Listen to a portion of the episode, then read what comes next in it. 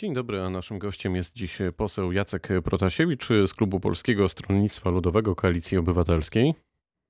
Koalicji Polskiej. Koalic- Koalicji Polskiej, no właśnie, powiedziałem obywatelskiej. Tak jest. A, to jeszcze Ale- raz, zagramy to jeszcze raz. No trudno, już poszło weter. Ale kiedyś pan był w. Platformie Obywatelskiej. Tak, to też były zamieszłe czasy. To już była inna platforma, która nie wstydziła się swojego szyldu ani w Radzie Miejskiej Wrocławia, ani nie szukała jakichś e, e, samorządowych m, podpórek z myślą o najbliższych wyborach. Panie No, pośle, ale To, to, to już historia. Ym, Trochę dzisiaj o Platformie na pewno y, porozmawiamy, ale zaczynamy od y, najnowszej e, informacji, mianowicie od tego, że powstała Rada Doradców Politycznych e, przy e, panu premierze Mateuszu Morawieckim. Ta rada liczy 21 osób. W jej skład weszli działacze Prawa i Sprawiedliwości, a rada ma być organem pomocniczym pana premiera. E, Wczoraj członkowie Rady odebrali nominację. Czy pan coś może więcej e, wie na ten temat? Czym dokładnie ma się zajmować to, to ciało? Coś się mówi już na sejmowych korytarzach i nie tylko na tych korytarzach sejmowych. no, prawdę mówiąc, wywołała ona zaskoczenie, czy nawet konsternację e, w Sejmie, gdzie właśnie jestem, ponieważ no, po raz pierwszy premier buduje z grona tak szerokiego i do tego własnego klubu parlamentarnego nie ekspertów, nie e, politologów, tylko m, m, posłów e, własnego zaplecza, specjalne grono doradców politycznych. To świadczy o jakimś m, rodzaju desperackiej walki jakby o przetrwanie pana premiera Morawieckiego. Raczej to w Sejmie spekuluje się, że jego dni są policzone. Ma groźnych przeciwników wewnątrz rządu, głównie Zbigniewa Ziobro i problemy, z którymi jego rząd, jego gabinet i on sam sobie coraz wyraźniej nie radzi, co buduje frustrację w jego zapleczu taką narastającą. Stąd wybór takich najwierniejszych e, ruchów Jarosława Kaczyńskiego. No to ja wymienię kilka nazwisk, bo nie będziemy wymieniać e, wszystkich. E, W tej radzie będzie Janusz e, Śniadek między innymi, Marek Suski, Henryk Kowalczyk i Bartosz Kownacki. No gdyby to była rada na przykład do spraw społecznych czy pracowniczych, to tam pan poseł Śniadek miałby rację bytu. Gdyby to była rada do spraw infrastrukturalnych, to pewnie poseł Kowalczyk miałby tam szansę się znaleźć, natomiast e, byłoby uzasadnienie. Natomiast taki zestaw, e, plus jeszcze wielu innych nazwisk, e, w tym poseł Suski, aż 21 powiadam, która ma przygotowywać premierowi em, podstawę do decyzji politycznych, ekspertyzy, analizy do podejmowanych decyzji politycznych oznacza, że te decyzje, które były do tej pory po- podejmowane, nie mają akceptacji, zgody, a przynajmniej zrozumienia e, w jego najbliższym zapleczu, czyli partii, jaką jest Prawo i Sprawiedliwość. No czas, czas pokaże. Ja tylko dodam, że udział w pracach Rady ma być e, nieodpłatny, więc e, wydaje się, e, wszystko na to wskazuje, że tu faktycznie chodzi o merytoryczną e, dyskusję. Aczkolwiek trzeba będzie sprawdzić, czy już na przykład przygotowywane ekspertyzy czy analizy nie będą e, opłacane, bo udział w posiedzeniach to jest jedno, a mm, wynagrodzenie za przygotowanie stronicowego czy dwustronicowego dokumentu to drugie.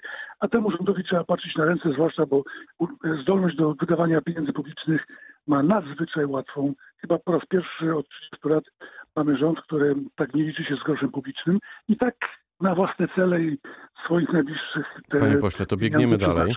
Ostatnio na ręce e, PSL-owi e, zaczął ponownie patrzeć e, Paweł Kukiz, e, który powiedział, że czuje się oszukany przez PSL. Zacytuję panu słowo pana Kukiza z wywiadu sprzed dwóch dni w TVN24.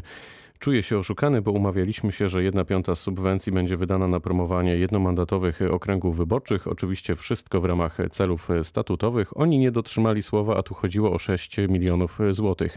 Umawialiśmy się także na rotację wicemarszałka Sejmu, a dziś wicemarszałek Piotr Zgorzelski z PSL-u mówi, rotacyjna to może być kosiarka. Koniec cytatu. Oszukaliście Pawła Kukiza, panie pośle?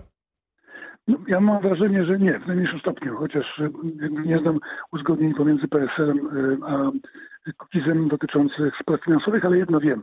Ustawa o partiach politycznych nie pozwala, zakazuje y, i karze wręcz tych, którzy przeznaczają je na inne cele niż działalność w tym przypadku PSL-u.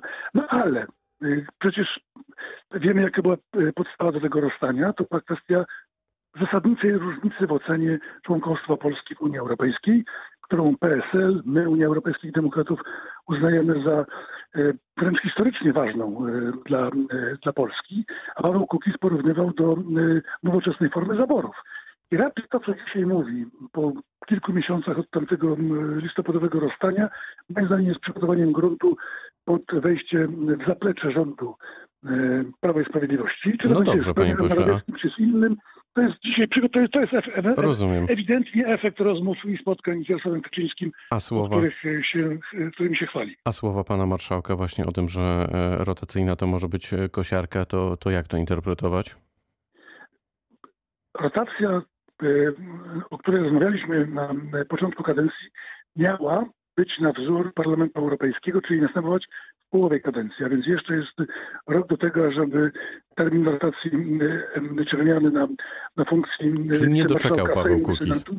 No nie doczekał, no ale nie dlatego, że mm, ktoś chciał na siłę e, uniemożliwić jego e, po- posłom objęcie tej funkcji, tylko dlatego, że raczył e, publicznie wypowiadać się o, o Unii Europejskiej w sposób, który szokował i wzburzał naszych wyborców. Już nawet nie mówię o nas politykach, bo mm, jesteśmy w stanie, znając bliżej e, kolegów e, e, politycznych, zrozumieć takie czy inne emocjonalne wypowiedzi, no ale dla ludzi te słowa o mm, porównaniu członkostwa w Unii Europejskiej do nowoczesnej formy zaborów były nie do przyjęcia, stąd rozstanie, które i tak moim zdaniem było bardzo eleganckie. PSL e, kilka dni temu po publikacji recepty na kryzys Platformy Obywatelskiej zauważyło, że to w zasadzie kopia waszych postulatów. Platforma ukradła wasz program, czy po prostu myślicie tak samo? Nie ukradła, chociaż y, elegancja rzeczywiście wskazywałaby, podpowiadałaby, żeby skonsultować najpierw możliwość użycia niektórych pomysłów, które już mają formę projektów ustaw złożonych w Sejmie. To nie jest tak, że y, na konferencji prasowej wyłącznie y, myśmy zaprezentowali wcześniej rozwiązania typu y, obniżenie VAT-u dla branż dotkniętych konsekwencjami pandemii chociażby. No ale cieszymy się, że nasze pomysły zyskują szersze uznanie w gronie opozycji, bo to jest dobry prognostyk na to, e, żeby budować porozumienie programowe przed kolejnymi wyborami To parlamentarnymi. w takim razie To widzi pan szansę na współpracę z Platformą w ramach koalicji 276? Jeśli mm, e, tak, widzę, jeśli będzie warunkiem jednym, że będzie zgoda na uzgodnienie pewnego minimum programowego, bo to jest ważne. Coś, co- co nie zostało spełnione przy budowie koalicji europejskiej, a później koalicji obywatelskiej, w której myśmy nie uczestniczyli właśnie z powodu braku takiego mm, elementarnego wspólnego mianownika programowego, musi nastąpić, ponieważ no, mm, ciężko jest e, niektórym posłom lewicy e, firmować e, czy prawda, popierać postulaty te, które formułuje chociażby PSL, czyli i my, czyli na przykład rozwiązania sprawy aborcji w drodze referendum. Oni uważają, że jest to tak zwane dziaderstwo, że jest to e, zbyt mało. My uważamy, że absolutnie głos ludzi, e, narodu, społeczeństwa, w którym większość mają zresztą kobiety, powinien być kluczowy w rozstrzygnięciach dotyczących spraw e, właśnie aborcyjnych. A nam z kolei to ciężko jest, czy PSL-owi ciężko jest popierać te radykalne postulaty lewicy, więc uzgodnienie minimum programowego dla koalicji jest niezbędne, bo inaczej nie tylko my będziemy mieli kłopot w porozumieniu się, ale przede wszystkim nasi wyborcy nie będą skłonni do No głosowania to- na taką wspólną, szeroką listę. To jak pan mówi o kobietach, e, to w takim razie o jednej ważnej kobiecie e, teraz e, porozmawiamy. Czy był pan zaskoczony przejściem Joanny Muchy z Platformy Obywatelskiej do Szymona Hołowni? Spodziewa się pan kolejnych transferów? Mm, Nie byłem zaskoczony, ponieważ ja z panią posłanką Joanną Muchą no, od dawna mam, współpracujemy i mamy em, częste kontakty i wiem, że jej jakby niezadowolenie z funkcjonowania Platformy Obywatelskiej narastało. Więc y, nie wiedziałem, że ma zamiar przyjść akurat nie do Szymona Hołowni, ale wiedziałem, że e, że planuje rozstać się z Platformą Obywatelską. No wczorajsze, czy przedwczorajsze opuszczenie przez posła Tomasza Zimocha szeregów Koalicji Obywatelskiej rzeczywiście zwiastuje, że tam mogą następować różne jeszcze napięcia i turbulencje, no bo też, prawdę mówiąc, te wewnętrzne walki mm, zniechęcają tych, którzy w nich nie są politycznie zaprawieni. No właśnie, nie bez powodu widzi pan e, na początku naszego e, spotkania gdzieś tam e, tę obywatelskość miałem z tyłu głowy, jak pana przedstawiałem i, i porozmawiajmy teraz chwilę o Platformie Obywatelskiej, która myślę, że w jakimś sensie nadal jest panu bliska. Jakby pan ocenił to, co się właśnie obecnie dzieje w pana byłej partii? Mm, Joanna Mucha powiedziała, że Platforma Obywatelska już samodzielnie nie wygra żadnych wyborów. Pan uważa, że Platforma ma jeszcze taki potencjał? Wybory zarówno do Parlamentu Europejskiego, jak i do, a wcześniejsze nawet samorządowe oraz przede wszystkim parlamentarne i prezydenckie z zeszłego roku pokazały, że samodzielnie niestety nie wygra. Te, te czasy już minęły. Nie ma już takiego przywódcy o takim formacie, jakim był Donald Tusk. Myślałem, że pan powie, że Grzegorz Schetyna. Nie, raczej Grzegorz Schetyna moim zdaniem no właśnie był pierwszy, który zaczął redukować y, znaczenie Platformy Obywatelskiej, chociaż mam wrażenie, że jemu się wydawało, że jest odwrotnie, ale fakty zweryfikowały te, y, te jego potędze.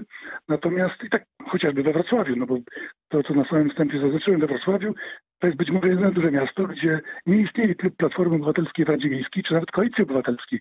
Ten syn został schowany, a ostatnio samorządowcy z Platformy Obywatelskiej no, słyszę, czytam, że y, rozważają start w wyborach do Sejmiku pod szyldem Stowarzyszenia Y, samorządowego, a nie pod szyldem partii. Czyli no, i zaczyna ten szyld ciążyć.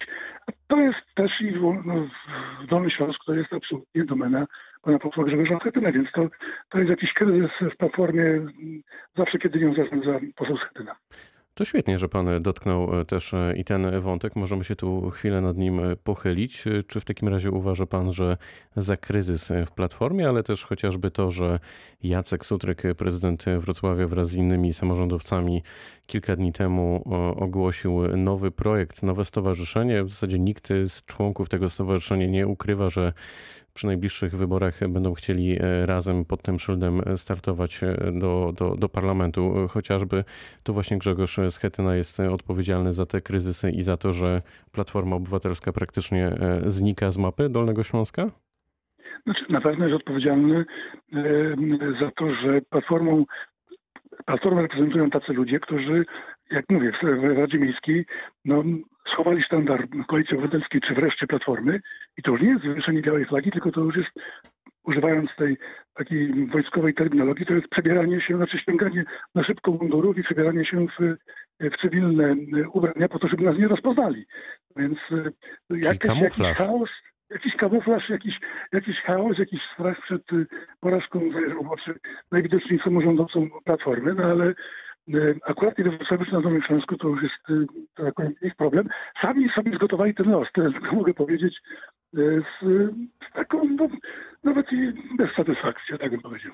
No, czyli jednak ta platforma jest panu bliska. A widziałby pan miejsce w koalicji polskiej dla parlamentarzystów z platformy?